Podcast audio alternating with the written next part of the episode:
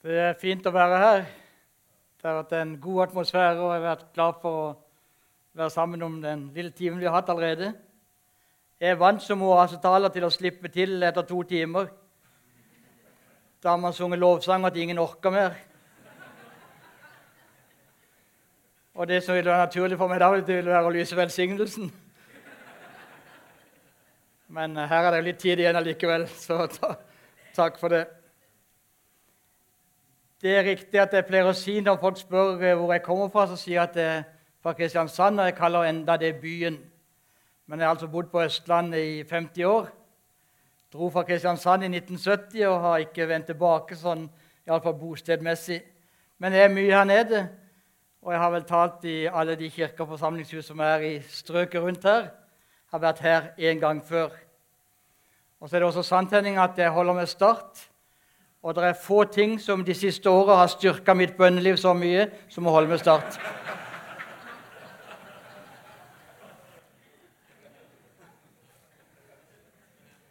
Her gjelder det å være utholdende. Da skal jeg bruke tida på det som jeg er blitt uh, minnet om og dele med dere denne søndags formiddag. Jeg har hatt det privilegium at jeg har eh, reist rundt i hele landet i eh, snart 50, år, snart 50 år, faktisk. Og jeg har besøkt de fleste menigheter og hele bredden av norsk kristenliv. Jeg tenker at Utenom Egil Svartdal er det meg som besøker flest sånne steder i løpet av året. Og jeg hører altså i løpet av alle disse månedene hører jeg alle slags åndelige dialekter. Jeg hører de som eh, sier 'Jesus' både med og uten nasal. De som sier Jesus på vanlig måte, de som Jesus Og da kommer det også litt så underbart etterpå. Jeg, har, jeg er litt sånn uh, sørlending og litt sånn black preacher. Så jeg elsker når jeg er sånne steder hvor folk får et litt sånn skikkelig amen, fortrinnsvis på de riktige stedene. Og, og når folk er liksom litt uh, med, det elsker jeg. Jeg er ikke sikker på om det vil skje her i dag, men uansett jeg, har, eh, jeg er sammen med folk som eh, uttrykker troa, tilbedelsen og lovsangen på veldig ulike måter. Jeg er folk, sammen med folk som eh, til og med mener veldig forskjellig om mange kirkelige spørsmål, teologiske spørsmål. Og så har jeg oppdaga, om jeg er sammen med høykirkelige lutheranere eller ville pinsekarismatikere på andre sida, hvis det er andre sida, eller alt innimellom, og det er det meste så er det én ting vi har felles, og det er én ting vi sliter med, og det er én ting vi utfordres av. Samme hvordan formen er på gudstjenesten vår, samme hvordan vi opplever eh, å svare på de forskjellige spørsmålene i tida, så det er én ting vi sliter med, og én ting vi utfordres av alle sammen. Om jeg kommer hjem til sognepresten etter å ha vært på et møte i en kirke, eller om jeg sitter med glade pinsekarismatikere, styrer ledelsen der i en menighet når vi kommer hjem. Og når vi kommer bak fasadene og litt bak maskene og litt bak alt det ytre, så opplever jeg at det vi sliter med alle sammen, det er å pleie det nære, fortrolige fellesskapet med Jesus.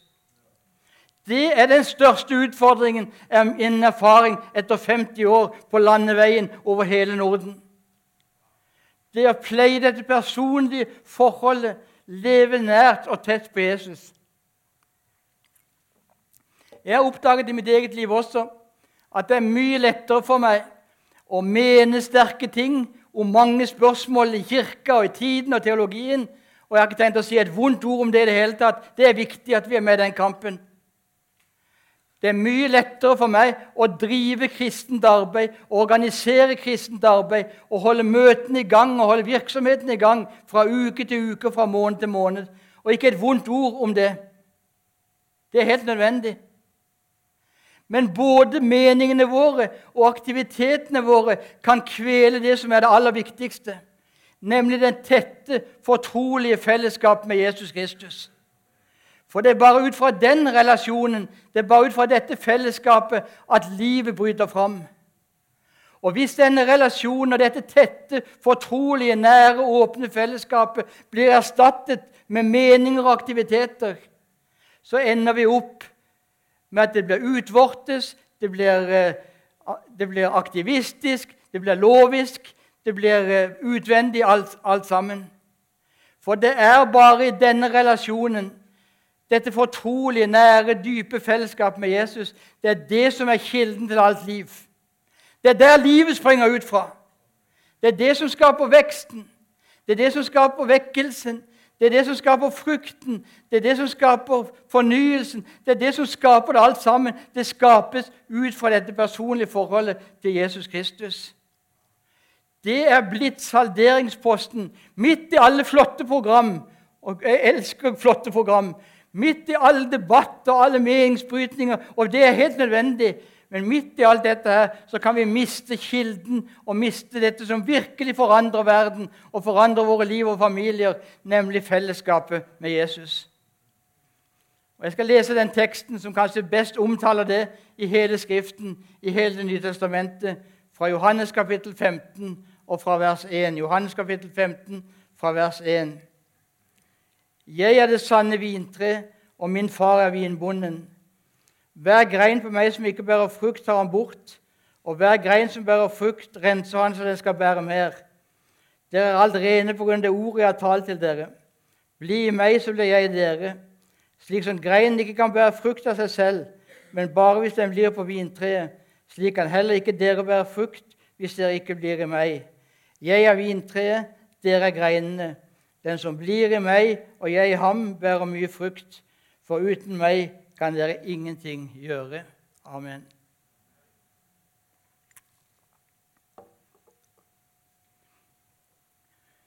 Hva er kristen tro, kristendom eller kristent liv i ett eneste ord, i en liten sum, hvis en skulle summere det? Hvis noen spør meg Jens Petter, hva er kristendom, hva er kristen tro, så vil jeg svare ut fra den teksten vi nå har lest, med ett eneste ord Alt det som har med kristendom og kristen tro og kristent liv å gjøre, kan kokes ned til ett eneste ord, og det er ordet livssamfunn. Livssamfunn. Kristendom, kristen tro, er livssamfunn, ikke med hvem som helst, men med Jesus Kristus. Legg merke til de sterke bildene som blir brukt i teksten. Vintre og grenene. Eller som Paulus sier i 1. Korinterbrev 12, da han snakker om kroppen og lemmene uttrykk for akkurat samme sak. Det tette, det intime, det nære, det organiske. Kristendom og kristen tro i en sum er livssamfunn. Når jeg skal prøve å være kul, og det er veldig dumt av en mann i min alder overfor unge mennesker, så pleier jeg å si, og jeg vet at ikke det holder grammatikalsk, men da pleier jeg å si Folkens, tro staves relasjon. Jeg vet at det ikke holder grammatikalsk, men ellers er det et kjempeviktig utsagn. Tro, folkens, tro staves relasjon. Relasjon med Gud, relasjon med hverandre og relasjon med oss selv. Troens vesen, alt det det egentlig handler om, er ikke aktiviteter og meninger og forholde seg til visse sannheter. Troen er en relasjon. Troen er et fellesskap Troen er et fellesskap med Gud, med de andre og med meg selv. Og dette kan ikke erstattes av noe annet. Og det er her vi sliter, fordi den onde får oss til å stadig vekk havne i alle aktivitetene og alt fellesskap og alle meningene. Og jeg sier igjen, jeg har ikke tenkt å si et vondt ord om det, men hvis det erstatter det som det virkelig handler om, så blir det feil. Det er det som er hele saken. Jeg har lært en del ting i mitt liv the hard way, som det heter på godt norsk. Jeg har lært på den tøffe, den tøffe måten. Og dette at troen er fellesskap og troen er livssamfunn, det lærte jeg som, all, som, helt, ung, som helt ung mann. Jeg vet ikke, Noen av dere kjenner jeg litt. Eh, jeg pleier å si sånn spøkefullt at jeg var på toppen av min predikantkarriere da jeg var 17-18 år. Og siden har det gått nedover. Når jeg var 17-18 år og bodde på Grim her i Kristiansand, gikk på Katta Da holdt en kamerat som heter Helge Kvanvik og meg, da holdt vi vekkelsesmøter. Det var skikkelig vekkelsesmøter. Da herja vi på alle skolene. Jeg gikk forbi Kongens gateskole nå på vei til møtet her, og jeg så den gamle Kongens gateskole og tenkte der hadde vi også møter. Og Der malte vi med bred pensel og inviterte mennesker til å komme til tro på Jesus. Vi var ikke alltid, Det var ofte mer nidkjærhet enn det var skjønnsomhet, men vi hadde en brann for at folk skulle begynnes for Jesus. Og mange ble frelst og kom til tro på han. Jeg var altfor ung til å være vekkelsespredikant på den tida, men nok om det. Og Så ble jeg skoleakssekretær noen og 20 år gammel, altfor ung. Og det er klart Når du skal frelse hele Kristiansand og du skal frelse hele Norge den alderen der, så skjer det bare én ting. Da møter du en vegg. Og Da gikk jeg på en skikkelig vegg. Det var en lett vegg, riktignok, men det var en vegg i alle fall. Da gikk jeg på min første vegg.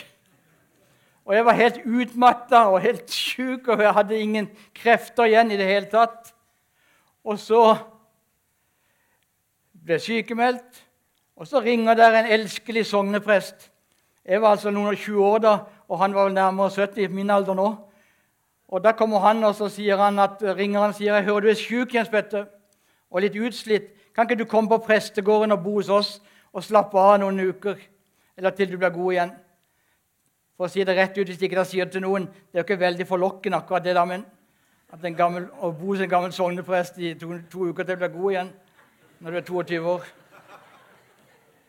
Men ålreit, jeg sa ja. Jeg sa ja, det er helt, helt ålreit. Takk skal du ha, sa jeg. Jeg vil gjerne komme. Det var en nødløgn.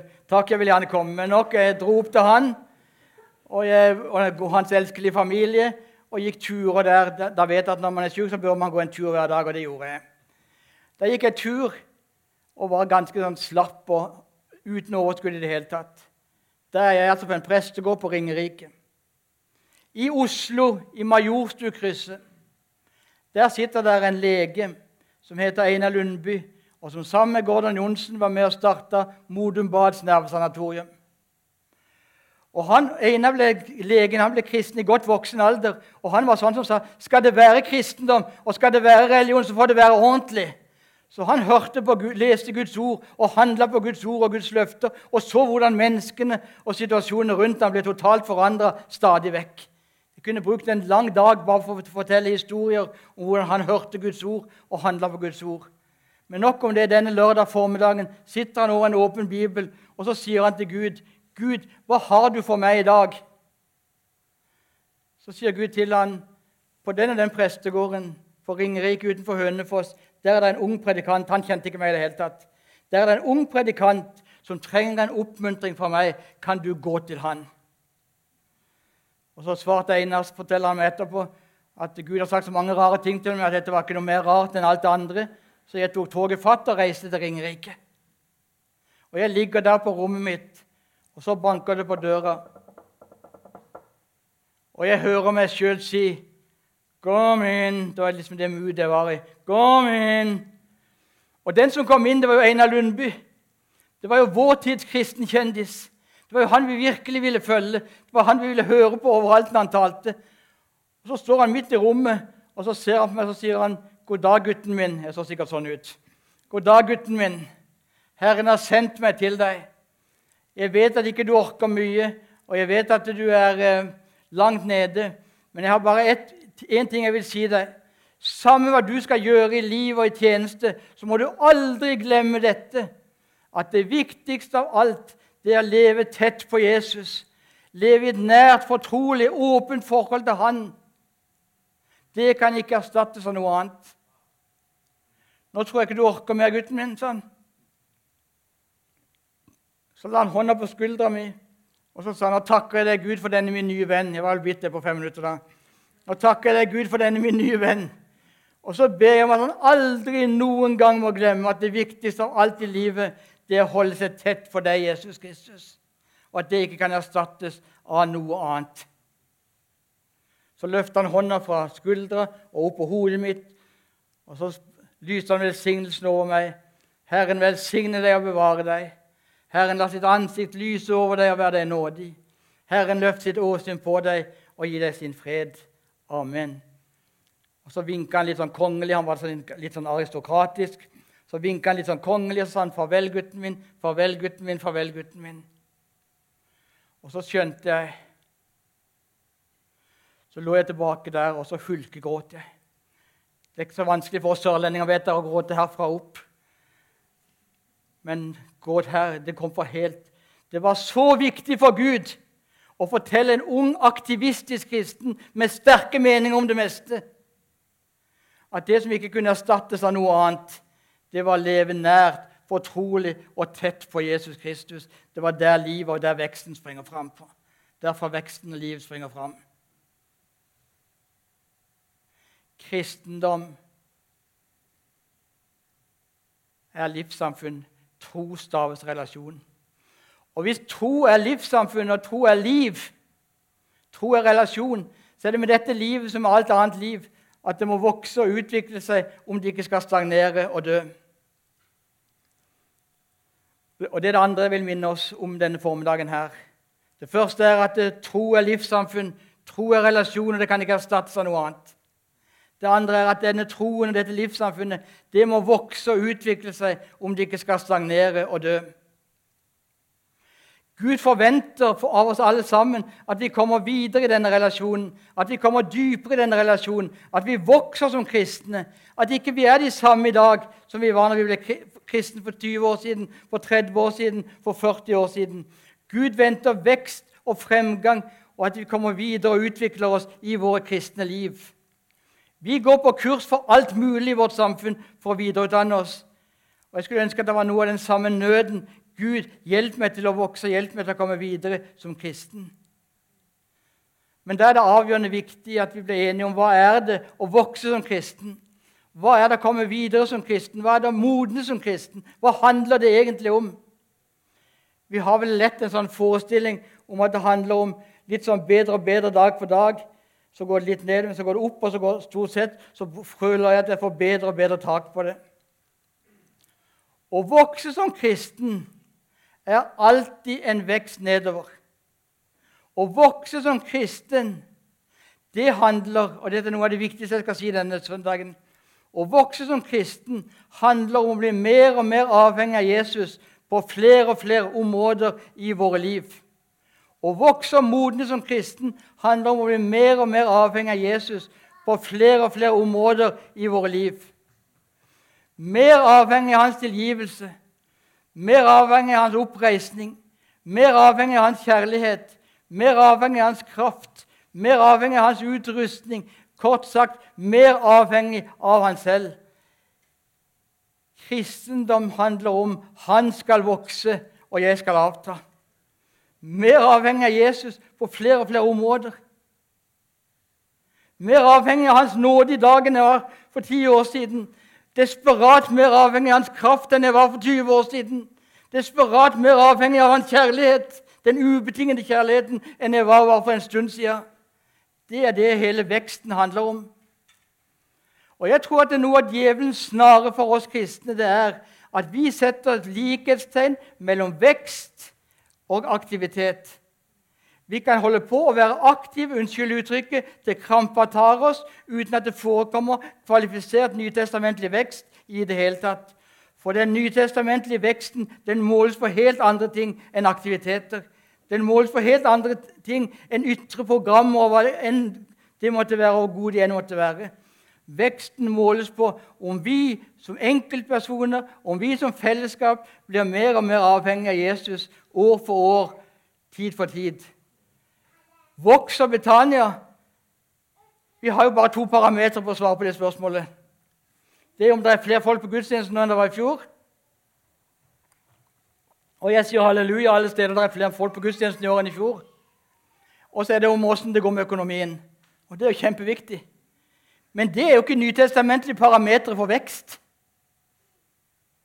De nytestamentlige parametrene for vekst det handler om vi som enkeltpersoner og vi som menighet blir mer og mer avhengig av Jesus på flere og flere områder.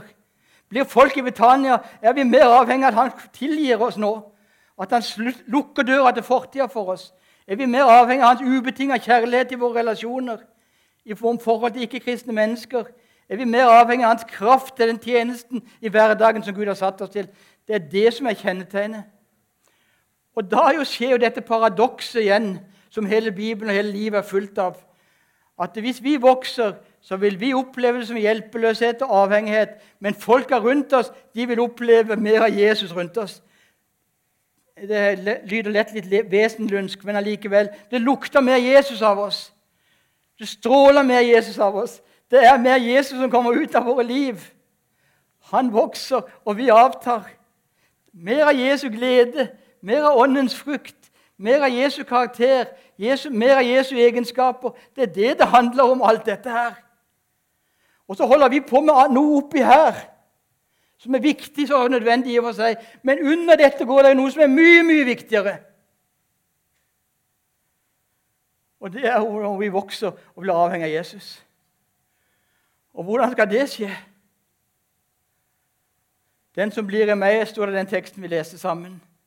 Den som blir i meg, jeg i ham, han bærer mye frukt. For uten meg kan dere ingenting gjøre.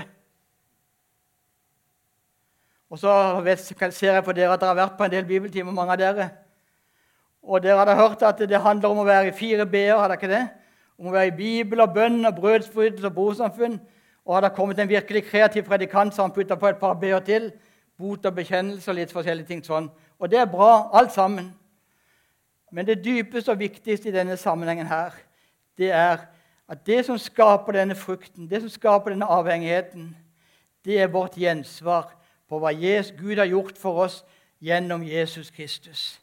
Det er et gjensvar på Guds kjærlighet. Hvor skapes frukten?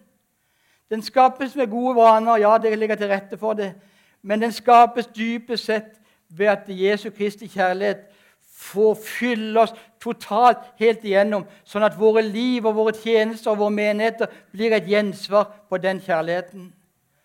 Og Jeg skal korte det ned, men jeg skal fortelle mitt kanskje sterkeste vitnesbyrd, som mange av dere kanskje har hørt før. Men det gjør jeg med glede denne dagen her for å understreke akkurat dette poenget. Det var i 1994, og det var en vekkelse. og Vi bør ikke ta stilling til den vekkelsen akkurat nå. Men det var en underlig vekkelse hvor det skjedde mye, mye rart. Og men Mange mennesker ble også totalt forandra og snudd opp ned, og jeg var blant de. Når jeg kommer til himmelen en gang, så skal jeg spørre Gud om det var nødvendig å få alt det der rare på kjøpet. Om ikke vi bare kunne fått ren vare. Så, så det kan dere bare glemme akkurat nå. Hvis dere vil bare høre vitnesbyrdet mitt, så er det hovedsaken. For der er det et viktig poeng. Jeg var der altså i Toronto, i denne byen i Canada, og jeg opplevde Det var underlig på mange vis. Men en av de siste dagene så kom en av disse pastorene i den Vinjard-menigheten, som det heter. En av pastorene i Vinjard-menigheten kom Vinjard-folk det er sånn som skal være veldig avslappa og gjøre på en veldig avslappa måte. Det naturlige, overnaturlige på en naturlig måte. Og det var veldig naturlig. De var helt annerledes kledd enn det er. Og med hendene dypt i lomma så kom de bort til meg. Så hadde de omtrent den avstanden som jeg har til Henning nå. Og så sier disse to pastorene State church, state church man from Norway. State guy, sorry. de. Guy from Norway. May I pray for you? Statskirkefyr fra Norge, kan jeg få lov til å be for deg? Og de mente det ikke ironisk engang. Det var bare Sure, sir. Yes, selvfølgelig. Go ahead. Da må gjøre, gjerne gjøre det.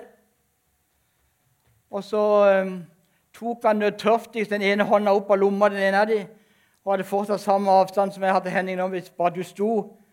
Og så ber han den minst salvelsesfulle bønnen jeg har hørt i hele mitt liv. Bless this state church guy from Norway. Amen. Og så putter han hånda ned i lomma igjen. Velsign denne statskirkefyren fra Norge. Amen. Og jeg falt under Guds veldige kraft. Det var ingen som var i nærheten, ingen som hjalp Gud med noe som helst. Det var to meter mellom oss. Jeg falt under Guds veldige kraft. Riktignok den gale veien med hodet først, men det spiller ikke så mye rolle i den sammenhengen. Og når jeg lå der i tre kvarter, så var jeg ikke noe vakkert syn, sa de som var sammen med meg. For jeg hulkegråt i tre kvarter fordi jeg så at hele livet mitt passerte revy.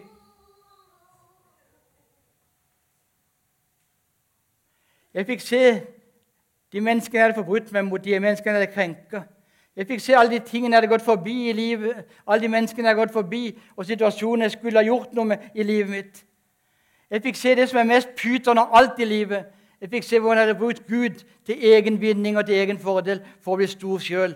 Det er pyton, folkens. Det er pyton når vi bruker Gud for å bli store sjel. Og når jeg hadde sett hele denne filmen passere revy, så roper jeg, sier de som sto rundt meg, 'Gud, gå fra meg! Jeg kan ikke ha noe med deg å gjøre.' Og i det øyeblikket jeg roper 'Gud, gå fra meg, jeg kan ikke ha noe med deg å gjøre', så har jeg en klar visjon. Der står Jesus foran meg. Med sine utrakte hender, med sine milde øyne. Og så ser han på meg og så sier han til meg, 'Frykt ikke, Jens Petter. Det er Jesus. Det er vennen din. Det er frelseren din. Frykt ikke.' Og så sier han, 'Først av alt vil jeg takke deg for alt det du har gjort for meg i mitt rike.' Det var ikke den åpningsreplikken jeg hadde venta etter alt jeg hadde gått igjennom. Men så kommer det. Så sier Jesus, 'Om du ikke hadde bedt en bønn' Om du ikke hadde lest et kapittel i min bok, om du ikke hadde vunnet et menneske for meg, om du ikke hadde hatt en nådegavefunksjon Det betyr ikke at ikke det er viktig, men om du ikke hadde hatt noe av dette i funksjon, noe av dette hadde skjedd, så elsker jeg deg for min egen skyld. Da brøt alt sammen. Og da sier jeg som Luthers prest halleluja! Halleluja.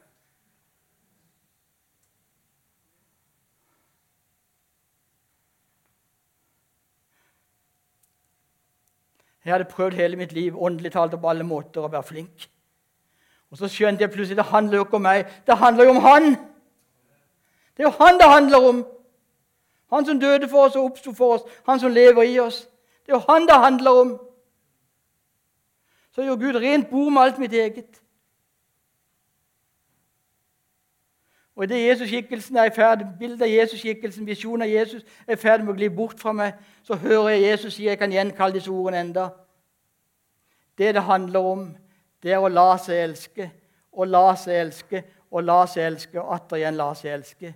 Mine kjære venner i Betania denne søndag formiddag, hva er det det dypest sett handler om? Det handler om å la seg elske sønder og sammen av Han som døde og oppsto for oss, Han som ga sin kjærlighet for oss og hele verden. Det handler om å la oss elske søndere sammen så mye at våre liv og våre menigheter blir et gjensvar på den kjærligheten. Og Vi trenger Åndens kraft til mange ting. Til evangelisering. Vi trenger Åndens kraft til frigjøring. Vi trenger Åndens kraft til helbredelse. Vi trenger Åndens kraft til mange ting. Men jeg er dypt overbevist om at det vi mest av alt trenger Åndens kraft til, det er dette budskapet om at det handler om Han og Hans kjærlighet uavhengig av oss, det må flyttes fra hodet og ned i hjertet vårt. Og flyttes det ikke fra hodet ned i hjertet vårt, så blir dette også en teori for oss.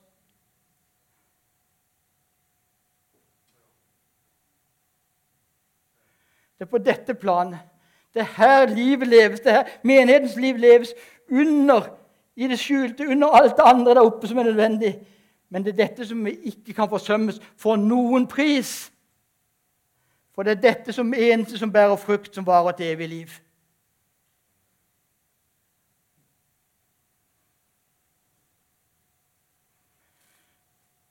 Og så har jeg sagt at Jesus lengter etter å komme tettere på oss. Jesus lengter etter en dypere relasjon med oss alle sammen, og det er godt at han lengter mer enn det jeg gjør. Jesus lengter etter denne dype, dype relasjonen med oss. Dette fortrolige fellesskapet hvor det kan bli frukt som varer, hvor vi avspeiler hans karakter og hans egenskaper. Men jeg kan ikke si amen, og derfor må jeg bruke et par minutter til. Jeg kan ikke si amen før jeg sier at eh, når Gud sier at alle sammen som sitter her, kom nærmere meg, sier Jesus. Kom dypere inn i mitt fellesskap. La meg få lov, la Helligånden få lov til å gjøre det verket, at det går fra hodet til hjertet ditt. At du er frelst helt uavhengig av hva som helst hos deg sjøl. Å leve tett på Jesus og leve sterkt med Jesus, som Gud kaller oss til, og som er i menighetens fremtid og din og min fremtid, det, handler, det vil være forskjellig for de forskjellige av oss som er her. Og det er helt avgjørende. Det er jeg nødt til å si. For her har vi ødelagt for hverandre i årevis. Å leve tett med Jesus er forskjellig for alle oss som sitter her. Jeg kunne gått ned og så kunne jeg pekt på dere og sagt å leve tett med Jesus for deg, Henning, det er helt annerledes enn å leve tett med Jesus for meg. antageligvis. Å leve tett med Jesus for deg og for deg og for deg, og for deg, det er helt forskjellig. Det er nemlig samsvar mellom hvordan Gud har skapt oss. Det er samsvar mellom vår personlighet og vår måte å leve tett med Jesus på. For å si det fint og teologisk det er samsvar mellom vår personlighet og vår spiritualitet. Det er samsvar mellom vår spiritualitet og vår personlighet. Og Av og til har jeg lyst, som en forkynner som har reist rundt og snakket til store folkemengder i mange år, har jeg lyst til å si unnskyld, folkens. Unnskyld på vegne av oss sterk, såkalte sterke predikanter som har sagt sånn og sånn og fortalt alle disse historiene. Og så tror du at hvis du skal leve sterkt med Gud, så må du leve sånn eller sånn. Eller så må du leve sånn som kona di gjør, eller så må du leve sånn som barna dine gjør, eller så må du leve sånn som de, de eller de gjør. La farehendla gå med det. Der er en måte å leve sterkt med Gud på som passer med din personlighet, sånn som Gud har skapt akkurat deg. Alle kalles vi til å leve sterkt med Gud og dypt med, Gud, med fellesskap med Gud. Men det er, forskjellig. det er forskjelligheter. Veien, det var den som, sa, den som lærte å åpne dette for meg for 10-15 år siden, var en amerikansk teolog som sier at det finnes bare én vei til Gud, og han heter Jesus. Og kan, har vi, Der har vi ingenting å gå på. Det finnes én vei til Gud, og han heter Jesus Kristus. Men det finnes tusenvis av, av veier til Jesu hjerte. Det finnes bare én vei til Gud, men det finnes tusenvis av veier til Jesu hjerte for de forskjellige av oss. Min vei er ikke din vei, men poenget er at vi havner sammen med Jesus, hos Jesus med hans hjerte. Og Derfor blir det om å gjøre for oss at vi finner vår måte å leve sterkt sammen med Gud på. At vi finner min måte. For noen vil det være fellesskapet, for noen vil det være kontemplasjonen, for noen vil det være å være ute i Guds, i skaperverk. Det vil være forskjellige ting for de forskjellige av oss. Men vi må finne vår vei. Og så sier jeg unnskyld uttrykket for Guds skyld så må vi tillate de andre, ungene våre, foreldrene våre, naboene våre, kameratene, venninnene våre Vi må for Guds skyld la de får finne deres vei til Jesu hjerte, sånn at ikke det blir min vei. For hvis, hvis mine barn skulle ha fulgt min vei og levd tett på Jesus på, så vil jeg nå jeg ikke det for å fleipe eller være tøff, men hvis jeg skulle ha gjort det, så ville jeg øvd åndelig voldtekt på begge to. Hvis jeg skulle sagt til mine barn de må gjøre sånn og sånn De må leve på den og den måten.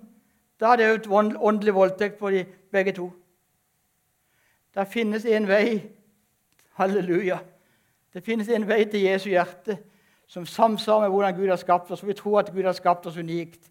Og i denne uniknessen skal vi få lov til å leve tett på Jesus og bære frukt som varer til evig tid. Amen. La oss be.